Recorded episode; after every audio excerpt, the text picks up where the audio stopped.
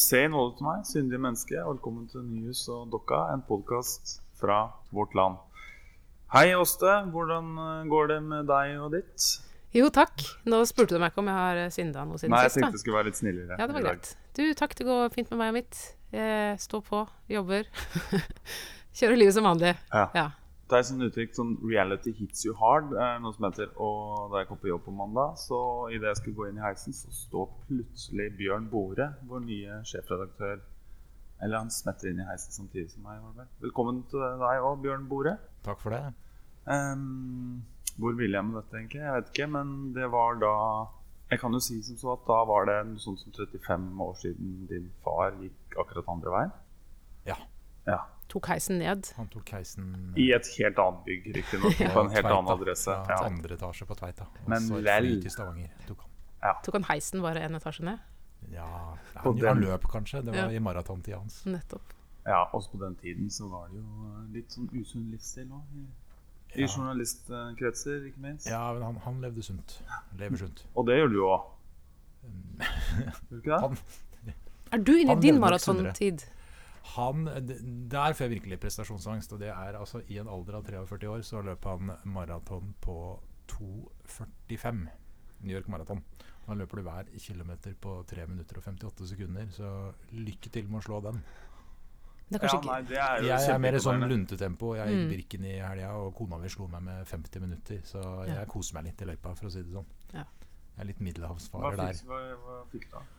Ja, Det var 50 minutter bedre enn i fjor. Ja. Men jeg, nei, jeg gikk på 5,28. Som er, eh, og det er da altså i klassen hvite menn som pusher 50, så var jeg nummer 743 av over 900. Ja, Var det er bare hvite menn? Eh, ikke langt unna. Ikke langt unna. Jeg kan ikke si at det ikke var det, Nei. Nei. men eh, jeg så ingen. Men det sånn. er til gjengjeld en av de mest krevende klassene, da, vil jeg tro. Hvite menn som pusher 50. Ja, det er altså 900 deltakere, og det er høyt nivå. Så, Ja. Men eh, det er en fantastisk naturopplevelse. Eh, jeg måtte gråte en skvett når jeg kom i mål. Jeg var helt mm. utslitt, og det var en helt fantastisk opplevelse. Det, det er jo en sånn stereotyp, dette her med topp, mannlige toppledere midt i livet som går Birken. Det er, det er, det er, det er så klisjé at det er flaut, men, eh, men det er gøy. Så jeg kjører på. Ja, Har du en nabo som preparerer skiene dine for masse dyre penger òg? Jeg får veldig god hjelp av min svigerfar, uh, som er tidligere Eller er prest uh, og pensjonert. Og han har vel tatt merke i Birken over 20 ganger, tror jeg. Ja. Så, så det er veldig solid støtte der. I, Dagens Næringsliv har kuttet ut den veldig omfattende Birken-dekningen Ja. sin. Er det Skal Vårt Land overta det markedet? Det er nytt Birken-bilag Nei, nei, jeg, jeg telte et år uh, Når jeg jobba i Dagbladet, for de var så opptatt av at Vårt Land hadde så mye forbrukerstoff. Og da fant jeg i løpet av ett år 69 førstesidehenvisninger til Birken, tror jeg, i, i Dagens Næringsliv. Ja. Så det er fi, helt fint at de har tona det, det litt. Ja, det er bra. Men du kommer jo, som du nevnte nå, fra Dagbladet. Der har du gjort uh, ulike ting. Du har vært, hvor mange år har du vært i Dagbladet nå? Jeg har vært 20 år i Dagbladet. 20 år i Dagbladet. Og du har hatt uh, lederposisjon der også, men ikke, ikke helt på toppledernivå. Nei, Mm. Jeg har vært redaksjonssjef. Redaksjonssjef. Ja, og så Ja. er jeg vikariert som magasinredaktør noen måneder. Mm. Men Men ikke mer. nei.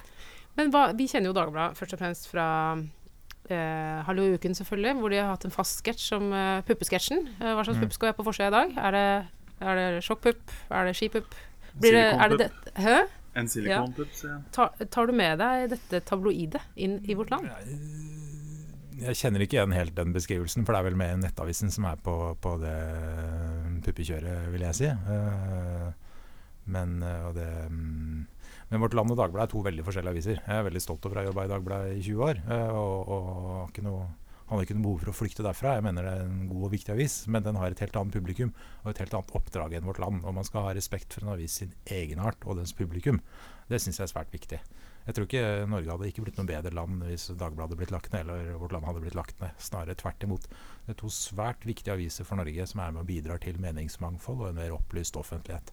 Jeg tror du sa i ditt tiltredelsesintervju at det var tross alt større forskjell mellom Dagens Næringsliv og f.eks. Klassekampen enn mellom Ja. Dagbladet og Vårt Land. Ja, ja, og det er jo mange altså Dagens Næringsliv ansatte jo mye kommunister for å skrive kritisk om kapitalister. Det er jo sunt med at folk uh, bytter litt, og, og at man kan ta med seg ulike perspektiver inn i, inn i redaksjonen. Men uh, nei, Vårt Land skal ikke bli Dagbladet. Mm. Uh, Vårt Land er en massespredd løssalgsavis en tabloidavis både på, på, godt og godt, spør du meg, men for noen er det både på godt og vondt. Altså er, uh, de norske tabloidavisene er jo såkalte kvaloider, som Aftonbladet var. Der det er mye godt stoff blanda med mye ganske lødig stoff. Uh, det er ikke en riktig miks for vårt land. vårt land er en tyngre avis. Men Fins det noen gode tabloide grep som kan, du kan ta med deg, som kan være nyttig verktøy også for ja, vårt land å bruke? Jeg liker jo når Jeg syns jo journalistikken er god når den er tydelig og viser hvilke konsekvenser ting får, og ting settes litt på spissen. Altså Konflikt er jo på mange måter journalistikkens drivstoff, og nyheter er avisers oksygen. Så, så det er nok en tenkning jeg tar med meg. Eh, det er svært viktig å gå inn og finne ut hva er det som egentlig skjer, hva er det som forsøkes holdes skjult. Hvilke følger vil det få, og hvem vil det få følge for? Og hvordan opplever de det? Det, det mener jeg er helt sånn sentrale journalistiske kjerneverdier som gjør avisen bedre for leserne. Men det blir ikke noe, det blir ikke noe puppesjokk i vårt land. Hva med de som uroer seg for store flottreportasjer fra kristne sommerstevner? Kan du berolige dem? Har jeg, jeg har hytte, eller Min, min svigermor har hytte midt i Flåttland, og hun er fast Vårt Land-leser, men også opptatt av uh, flått. Så, så, det er veldig mange år siden. Det, det, var, det var, noen år det var to-tre flåttoppslag i Dagbladet i året, vel. Det slutta vi med for ganske lenge siden. Okay. Uh, hvor, det bare men, eksisterer som en sånn Ja, da, men det er jo, hvis du går i arkivene nå, så vil du si at det er NRK som er liksom den store flåtthisseren i, i norsk presse i dag. Vi har vel 60-70 saker i år om det, så, så det, du må nesten spørre Tor Gjermund Eriksen om ja. det der. der altså. ja, men Nest, du kan, uh, ja. Men uh, nå som du da er over fra en uh, avis som er en allmennavis i den forstand at den dekker alt potensielt, mm. og potensielt til alle, så er Vårt Land en avis som har et litt snevrere felt å skrive om, og også selvfølgelig et snevre antall mennesker å skrive for, men også kanskje snevre, ikke bare i antall, men i type mennesker eller tilhørighet, f.eks. til uh, kristent trossamfunn osv. Har du noe um, ja, ja, hva er din uh, tilknytning til kristelig Norge? Jeg er vokst opp i, i statskirken og gikk med i barnsben i ja, for det meste Nordstrand menighet. Der jeg ble kjent med en ung dame som heter Berit Aalborg, som jobber i denne avisen. Mm. Uh, og så ble jeg med i det vi kaller Laget, på Nordseter ungdomsskole. Og jeg fortsatte i det når jeg flyttet til Stavanger da jeg var 13 år gammel. Og der var jeg også aktiv med i, i Kjensvoll menighet. Levde litt sånn to liv. Jeg hadde, hadde, den tilknytningen til kirken, og så hadde jeg en del venner som hadde en ganske svak tilknytning til kirken, og, og, og fant, fant, ekstase på andre måter, da, vi kan vel si det sånn. Så der, det var en sånn sterk følelse av å leve i to verdener der. Uh, så flyttet jeg da jeg var 19, flyttet jeg til Oslo og ble veldig politisk aktiv. Og, da forsvant min organisatoriske tilknytning til kristenlivet. Jeg ble ikke med i, i uh, forbundet som ja, Du var vel aktiv der, var du ikke det? Stemmer det. Mm. Uh, da ble jeg liksom fanget av miljøbevegelsen. Jeg jobbet mye i Natur og Ungdom. Og og da forsvant min, min uh, formelle tilknytning til, til, kristelige organisasjoner. Men troen ble med meg. Den, uh, som mange andre har opplevd, så går den kanskje litt ut og inn av livet. Uh, jeg førte aldri noe dagbok om det, men det er i hvert fall slik jeg husker de årene, at den troen forsvant litt. Og så plutselig oppdaget jeg at den var der. Men, men jeg har ikke vært aktiv i, i, det formaliserte, kan vi kalle det det, Kristen-Norge på, på mange år. Eh, jeg har laget avis og vært opptatt av andre ting. Og Jeg vil liksom slå et litt slag for det. da. Litt som Ådne snakket om i, i lørdagens Vårt Land. Vi må liksom ikke få en rangering av fromhet. Det må da være lov å bare være litt hverdagskristen. Noen, noen, og jeg respekterer dem, fyller livet sitt med liksom religion, og det skal være religiøs litteratur og musikk, og aktiviteter skal være kristne, og helst skal du ha en liksom, kristen tilknytning i jobb. og det er i mitt liv du beskriver nå. Ja, og, så, og det er kjempebra. Men, eh, det er ikke, men andre har det litt annerledes, da. For noen av oss er liksom det bare ja, det er en del av mye mye et liv. Og det, det må være lov, det òg. Mm. Og der er det mange lesere for Vårt Land, tror jeg også. Kjerneleserne er jo de som er mest aktive, selvsagt. Men det er jo mange som definerer seg som kristne og tror uten at de nødvendigvis uh, har det på matpakka hele veien. Uh, og nå skal jeg sitere en tidligere sjefredaktør i Vårt Land, jeg kjenner ganske godt, og han sa det veldig bra at uh, du blir ikke bil av å gå ut og inn av en garasje. Så det er, jo, det er jo troen som definerer deg, ikke alle dine handlinger og, dine tilknytninger og dine fritidsinteresser. Så det syns jeg var gode refleksjoner fra, fra Ådnøy der. Mm. Og, og, tenker du at uh, vårt land uh, Altså i hvilken retning er håpet at vårt land skal vokse når det gjelder type abonnenter? Er det disse eh, med litt svakere tilknytning til kirka, men med en interesse nei, nei, nei, nei altså vi, vi, vi, ønsker jo selvsagt altså, liksom, De mest aktive er jo våre kjernelesere. Mm. Vi jo, men vi ønsker jo alle velkommen. Vi ønsker å lage en god avis for alle. Uh, der vi satser nå, og der begynner en ny journalist i morgen, er jo en tydeligere satsing på kirkejournalistikken i vårt land. Det er jo vårt kjernestoff, for vi er jo Norges beste og største avis på det området. Og selvsagt skal vi satse der. Og, og, og, det er jo veldig populært. Det er jo stor, det er jo mange som ønsker å abonnere på Vårt Land, ser vi pga. dette stoffet. Det ser vi jo på hvilke saker som selger abonnement på nett, så er jo dette stoffet veldig populært. Så der skal vi bli enda tydeligere enn vi er i dag. Jeg la merke til når du, eh, du snakket om den hverdagskristenheten som ikke eh, gjør for stort vesen ut av seg. Mm. Um, så, men samtidig så snakker du om det med en viss letthet. Altså, er, det, er det ingen sjenanse involvert for, for ditt vedkommende når du snakker om sånne ting? Nei, jeg, nei det er ikke det. Nei, Ik nei, nei jeg har egentlig alltid vært uh, Jeg har aldri benekta det. Jeg har aldri gått og misjonert i alle, ved alle anledninger. Men jeg, kan, jeg har aldri liksom stått og sagt at nei, det er ikke meg. Hvis folk spør, så har jeg alltid svart. Og da har mange blitt litt overrasket òg, for det på overflaten jeg, altså, Bildet av meg, slik jeg framstår, det, det, stemmer kanskje ikke med mange av de stereotypene og fordommene mange har mot kristne. Uh, så noen har liksom vært litt Oi. Men du, men du flagger det heller altså ikke uoppfordret? Nei, jeg går ikke rundt og er en misjonær uh, for min tro 24 timer i døgnet. Det er jeg ikke, og det kommer jeg ikke til å gjøre.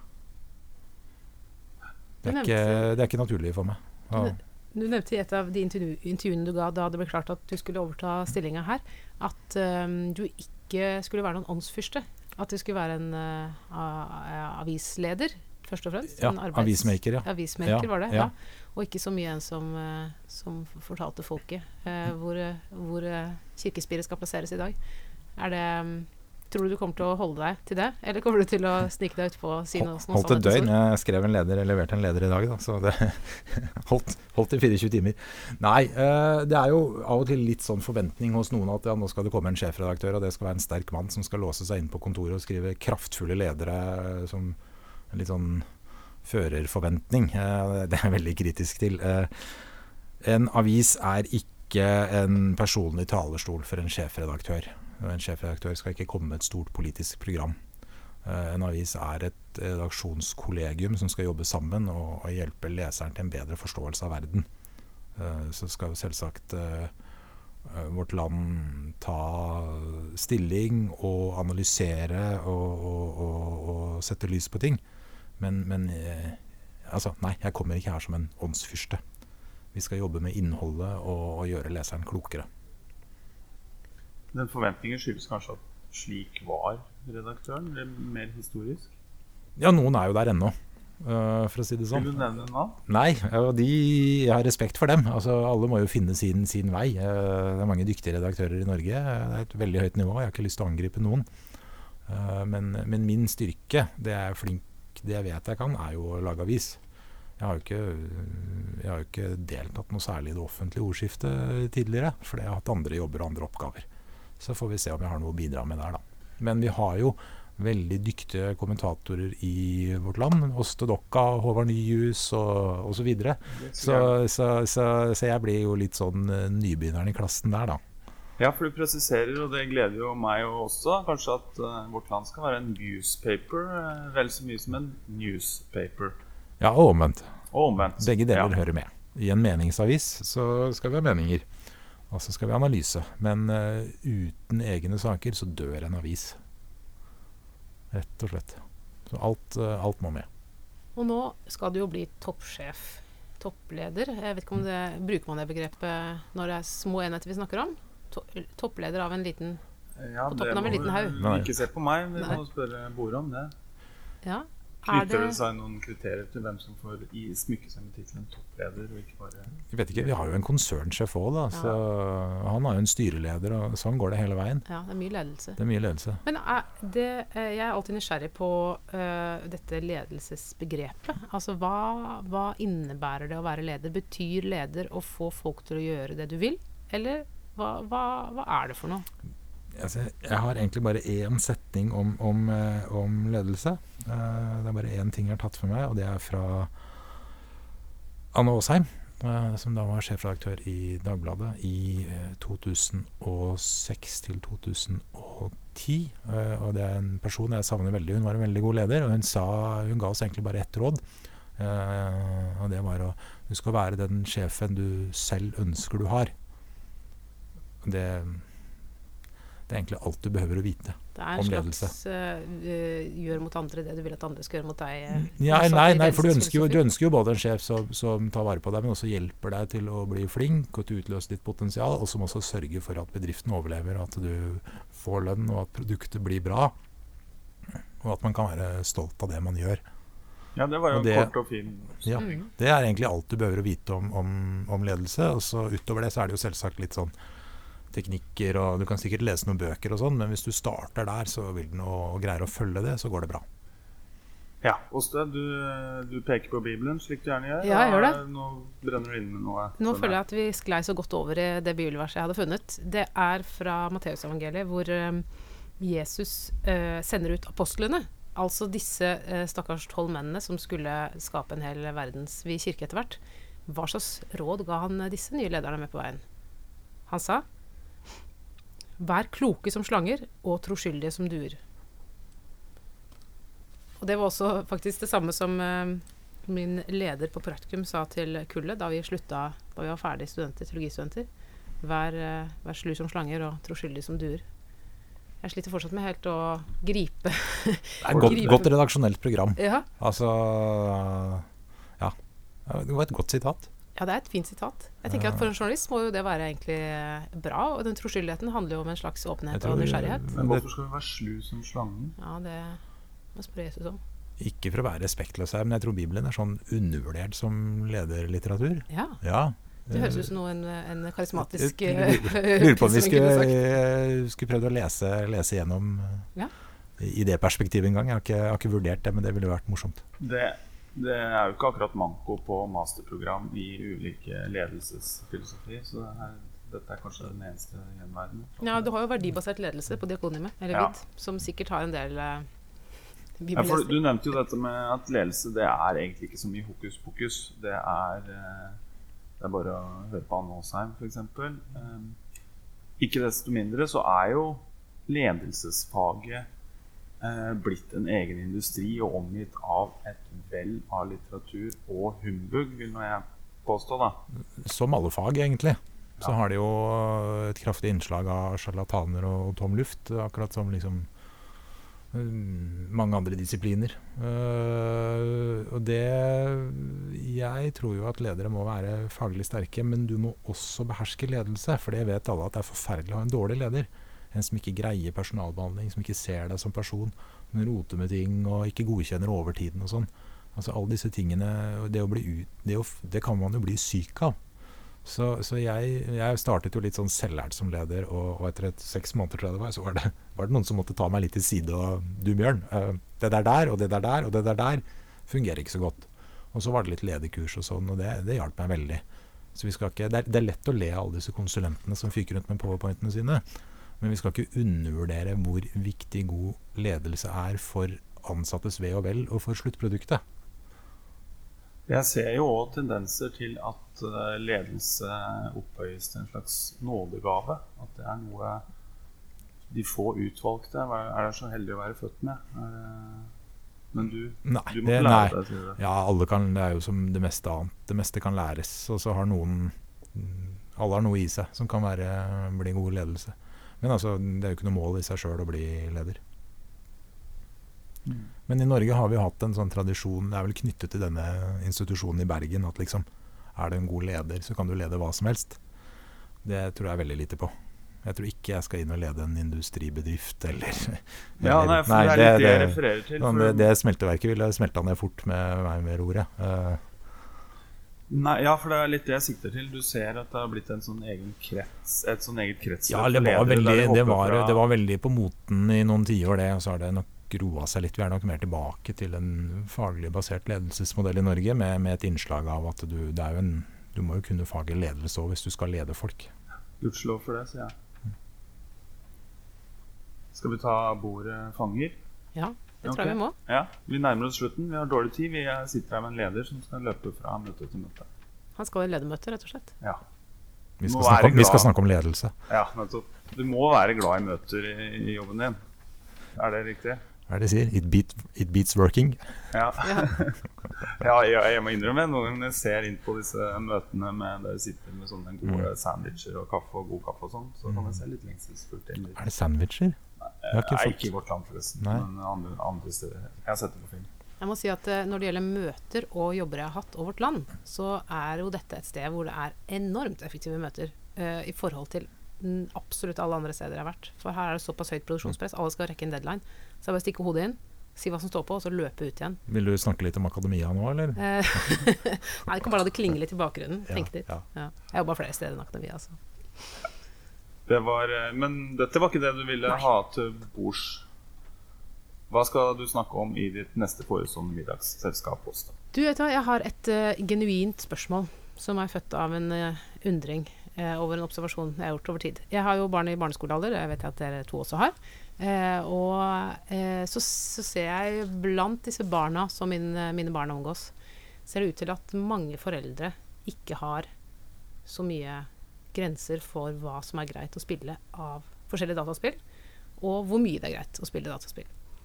Og da har jeg tenkt Er det fordi disse foreldrene tenker sånn Å, det er så flott at sønnen min får tid til å spille Fortnite. Det er kjempefin, sunn aktivitet som jeg vil at han skal gjøre. Er det det som driver dem? Jeg tror svaret på det er nei. Så tenker jeg, da er, jo, da er det jo egentlig slik at foreldre ikke egentlig vil at ungene skal spille så mye spill. Og kanskje ikke de spillene, som har høy aldersgrense. Eh, men da er spørsmålet hvorfor lar de dem gjøre det da? Nå snakker jeg om små barn, altså. Ikke 17-åringer. Jeg skjønner at de ikke kan styres. Så jeg, undre, jeg, undrer meg, og så tenkte jeg jeg skulle spørre middagsgjestene om hva de tenker om det. Uten å være kanskje ikke så hard som jeg var nå. Kanskje jeg skal være litt mildere i spørsmålet mitt. Ja. Men jeg er genuint nysgjerrig på hvorfor foreldre har abdisert overfor dataspill, som jeg jo tror bringer ca. null nyttig til ungene. Det fins jo en god mellomposisjon, vil jeg kunne si, da, som far til en gutt som får spille litt Fortnite. Eh, og det handler om at han har veldig stor glede av det. Eh, og det er sosialt, og han, eh, han kan snakke med gamle venner i Bergen, der han bodde tidligere. For dette er jo sånn spill hvor du snakker sammen hele tiden. Så jeg, jeg lar han få spille litt Fortnite. Og ikke dermed sagt at jeg har abdisert overfor skjermkulturen og sånne type ting. Jeg skrev senest en kommentar for et par uker siden hvor jeg var litt kritisk til den, eh, den, saken til NRK som gikk veldig godt, som handlet om den gutten som satt foran skjermen dagen lang. Eh, og i hans tilfelle var det jo en del sånne fysiske årsaker til det. da. Eh, men jeg så vel òg at den saken ble brukt som en slags sovepute for foreldre med dårlig samvittighet. Og ikke bare på vegne av sine barn, som kanskje sitter oppe og spiller hele natta, men også sin egen mobil avhengighet og sånn. Eh, så jeg deler din eh, Jeg er like kritisk, om ikke like kritisk til skjermkulturen som deg, så er jeg også ganske kritisk. Samtidig som jeg lar guttungen spille litt Fortnite. Vet du hva Jens Stoltenberg pleide å sitte oppe og gjøre for mye om natta? Ifølge hans eget utsagn. Røyke hasj? Nei, mens han var statsminister. Okay. Hvis jeg ikke husker helt feil, et portrettintervju i magasinet, så satt han og spilte dataspill. Uh, gjerne mot andre på nett mens han var statsminister, og koste seg litt over at de kanskje ikke visste hvem de spilte mot. Uh, han spilte bl.a. to av mine favorittspill, 'Civilization', der, og der, han testet ut forskjellige politiske strategier, og 'Age of Empires', som jeg har, det, det er to spill jeg har brukt altfor mye av mitt liv på. Og, nei, og, sånn går det. Hvis du lar ungen din spille dataspill, så ender han opp å bli generalsekretær i Nato og drar og bomber Libya og sånn, så ikke la ungene spille dataspill. Altså, du, da ser han, du hvordan det går. Tror du han brukte ungdomstida si på å spille dataspill? Det jeg skal ikke spekulere i. Nei, han, han er jo for ung til det, da. Ja, 80 80-tallet. Da måtte du, når han var ung, så måtte du. Han er for gammel. Da måtte du ned på Rafferen eh, RA4, Roald Amundsens gate 4, og spille i kjelleren der. Og da måtte du ha mye Det var jo dyrt før. Mm. Dette var jo før man fikk spillemaskiner hjemme. Så jeg tror gaminga kom seint for Jens, men eh, ja, nei. Du ser hvordan det går. Men uh, gjør det noen forskjell mellom Civilization, som jo da er et eh, strategispill, og Fortnite, som er er et skytespill? Fortnite er også et strategispill. Ja. Med ressursinnhenting og sånn. Det, det blander. Jeg Jeg har aldri spilt det selv, uh, men så vidt jeg får det beskrevet, så blander det jo liksom førstepersonsskytterspillet med, med den klassiske sånn ressursinnhentingen og du finner i Age of Empires. Det, her, dette kan mange mye bedre enn meg. Jeg har aldri spilt Fortnite. Så, Nei, men det er, det er riktig, jeg har jo observert men mine barn er litt for unge til å spille Fortnite. Ja, det er kanskje egentlig min åtteåring. Det er 13-årsgrense, Håvard. Han har så stor glede av det. Ja, ikke sant. Eh, nei, jeg uh, syns dataspill er kjempegøy. Jeg er veldig positiv. På 50-tallet var man jo bekymret over at det var tegneseriene som ville ødelegge ungdommen. Og så var det jo popen, og så var det TV, og så var det internett, og nå er det dataspill. Ja, du skriver deg inn i en eh, lang reaksjonær tradisjon her. Ja, også. jeg er klar over det. Jeg, jeg, eh, men jeg, Jo, men jeg- man, det, mot, ja. det nye trenger motstand, så jeg syns det er bra. Ja. Vi må ha litt rolleforståelse her, og det er bra du er her og holder litt igjen. Så det, det, det, jeg, jeg liker folk som har rolleforståelse. Det er veldig bra, det. Nei, men jeg tenker jo, altså, for all del, jeg ser at uh, det finnes noen positive ting ved å uh, spise kake, og dermed så kan man jo spise kake innimellom. Det er Mm. ikke, Vi trenger ikke noe totalforbud mot det. Men, uh, men jeg tenker jo at det, det er jo et helt reelt problem at det fortrenger veldig mye annen type aktivitet fra barnas hverdag. Um, og også at det skaper en del utenforskap. Mm. Um, det ser jeg jo i barnas eh, skolehverdag. Så jeg, jeg, jeg vil være den, den siderumpa reaksjonære i dette tilfellet. Ja, fint. Ja. Bjørn, har du et uh, tema til Ja, middagsbordet? ja, det er noe jeg ikke greier å skjønne, altså. Jeg liker jo å liksom innse at motstanderen har gode argumenter og prøver å være litt sjenerøs. Men denne debatten der vi har at enkelte norske redaktører advarer mot at journalistikk skal faktasjekkes, og kaller Ja. faktisk.no for sensur, det er noe av det rareste jeg har vært borti på lenge, altså. altså. Redaktører har som jobb å sjekke fakta. De skal ikke sitte og sutre over at fakta sjekkes. Det skjønner jeg virkelig ikke. Og så, kaller de denne faktasjekken for sensur. Og Det syns jeg er en litt sånn farlig utvanning av et begrep. Pressesensur er et reelt problem. I Venezuela og i Kina og Russland og mange andre steder. Og vi må ikke vanne ut kampen mot det med å liksom kalle alt mulig som påvirker en eller annen tilfeldig norsk avis negativt, for sensur. Det må vi slutte å gjøre. Det må vi slutte å gjøre. Men de har ikke gått litt utover sitt mandat når de skal drive fargekode artikler på Facebook? Nei, altså, Facebook, Det har jo aldri vært slik at norske redaktører har kunnet styre distribusjonen på Facebook. For det avgjøres jo av Facebook sine algoritmer, som tar inn kanskje 100 forskjellige signaler. Lesetid, klikktid, deling og sånn. Det styrer distribusjonen. At det nå i den prosessen blandes inn en menneskelig, faglig basert komponent som tar utgangspunkt i kvalitetskriterier, er jo ikke et problem for norsk journalistikk. Det er jo positivt for norsk journalistikk. Hvis vi går fra å bare bruke manipulerende og hyperkommersielle algoritmer til også å begynne med kuratering og redigering i sosiale medier. Det er jo bra for journalistikken. Ja. Jeg har vel ikke så mye mer å Nei, eh, det høres logisk ut for meg. Vil ikke du være en motstemme også? Eh, du, eh, jeg, jeg har veldig, en veldig kort journalistisk karriere. Jeg har vært én måned eh, journalist i Klassekampen som, som sommervikar en gang, og det er det. Eh, og jeg, jeg eh, glad ingen faktasjekka sakene mine da, men, eh, men jeg, Jeg hadde vel en redaktør da som ikke var helt Unnfallende. Ja. Nei da. Eh, du, vet du hva. Eh, seriøs eh, journalistikk, det må vi bare være kjempeglad for. Det fins jo ikke noe grunn til å være imot det. Helt enig med deg, Bjørn. ja, Heia faktisk Ja, faktisk.